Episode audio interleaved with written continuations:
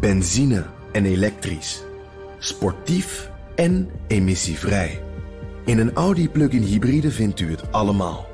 Ervaar de A6, Q5, Q7 en Q8 standaard met quattro vierwielaandrijving. Wat u ook zoekt, u vindt het in een Audi. Audi. Voorsprong door techniek. Postma in Amerika. Tijd voor het Amerikaanse nieuws door de ogen van onze correspondent in Washington, Jan Postma. Jan, eerst een opvallende verspreking van voormalig president Bush. Ja, die komt niet vaak meer in het nieuws. Hè. En uh, nu gaf hij een toespraak en daarin veroordeelde hij Poetin en uh, de oorlog in Oekraïne. Hij zei uh, dat is een foute oorlog, een invasie, beslist door één man. Maar ja, Bush had nog een van zijn eigen oorlogen in zijn hoofd, denk ik. Want toen zei hij dit. The result is an absence of checks and balances in Russia and the decision of one man to launch a wholly unjustified and brutal invasion of Iraq. I mean, of Ukraine. Iraq, too. Anyway. Uh, 75. Uh, Ja, die 75 die slaat op zijn uh, leeftijd. Uh, ik word ook wat ouder, zegt hij eigenlijk. Maar een pijnlijke verspreking hè, van iemand die zelf dus, denk ik, toch nog veel nadenkt over die oorlogen in Irak en Afghanistan, waar hij natuurlijk aan de basis van stond. Ja, en verantwoordelijk voor was. Um, ja. Er zijn uh, in heel wat staten al voorverkiezingen geweest. En jij, jij wilde Pennsylvania er even uithalen, want daar gebeuren allerlei interessante dingen. Ja, eerst even naar de Republikeinen. Daar is uh, het heel spannend nog steeds in de strijd om de Senaatzetel. Dat is Dr. Oz, hè, die tv-dokter van uh, Oprah Winfrey kennen we die.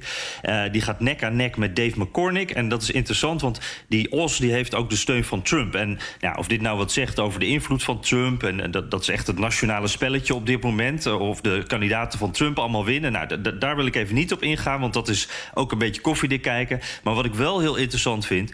Trump die heeft nu op Truth Social, zijn Twitter-kloon, heeft hij gezegd... die Oz die moet gewoon de overwinning opeisen. Want dan wordt het moeilijker om nog vals te spelen... met nieuw gevonden stembiljetten. En toen kreeg ik een flashback naar 2020. Jij ook, denk ja, ik, want toen zei Trump het ook ja. al. Ja, ik heb gewonnen, stop er met tellen. En toen waren er net als nu ook nog allerlei poststemmen die nog binnenkwamen. Of nou, die, die al binnen zijn, maar die nog geteld moesten worden. En dat gebeurt nu precies hetzelfde dus in uh, Pennsylvania. En, en ik denk dat dit een heel duidelijk signaal is... wat ons te wachten staat in november. Ja, en er is een rep Gouverneurskandidaat die gelooft dat die verkiezingen in 2020 zijn gestolen. Kan dat nou belangrijk zijn voor de volgende presidentsverkiezingen? Ja, zeker. Dat, dat is zelfs een beetje ongerust, uh, iets om ongerust over te zijn. Doc Mastriano, dat is de, de Republikeinse kandidaat. En die, was heel, betrokken bij, heel erg betrokken bij Trumps pogingen om die overwinning terug te draaien van Biden. Hij was ook in het Capitool op 6 januari. Uh, hij omarmt die verkiezingsleugens van Trump en heeft ook allerlei maatregelen aangekondigd om bijvoorbeeld dat poststemmen onmogelijk te maken. En het belangrijkste eigenlijk, in Pennsylvania mag de gouverneur de Secretary of State aanwijzen. En dat is de persoon die over de verkiezingen gaat. Dus uh, nou, hij is het nog niet. Het, dit zijn de voorverkiezingen nog maar. Maar dit is waarschuwing nummer twee. Nou, als die Mastriano gouverneur wordt, ja, dan weet je welke kant het op gaat. En even naar de Democraten nog. Die hebben in hun voorverkiezingen een interessante kandidaat gekozen. Voor de Senaat. Ja, uh, ja ja, precies. John Fetterman. En dat is echt een bijzondere man. Alleen al omdat hij een hartaanval kreeg vlak voor de verkiezingen. En zijn stem daardoor moest uitbrengen vanaf een ziekenhuisbed. Uh, behoorlijk linkse kandidaat. Meer in de geest van Bernie Sanders dan uh, van Joe Biden. Uh, maar ook bijvoorbeeld kritisch op mondkapjes. Dus daar zit wel een interessante populistische twist ook in.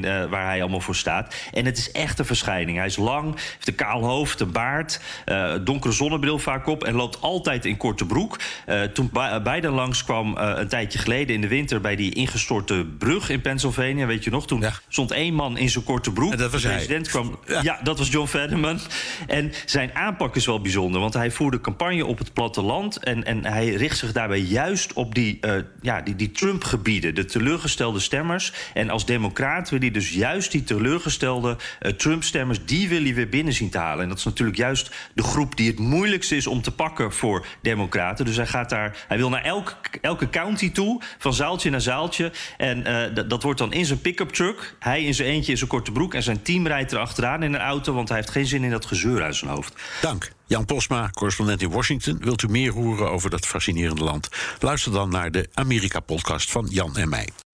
Benzine en elektrisch. Sportief en emissievrij. In een Audi plug-in hybride vindt u het allemaal. Ervaar de A6, Q5, Q7 en Q8 standaard met quattro vierwielaandrijving. Wat u ook zoekt, u vindt het in een Audi. Audi. Voorsprong door techniek.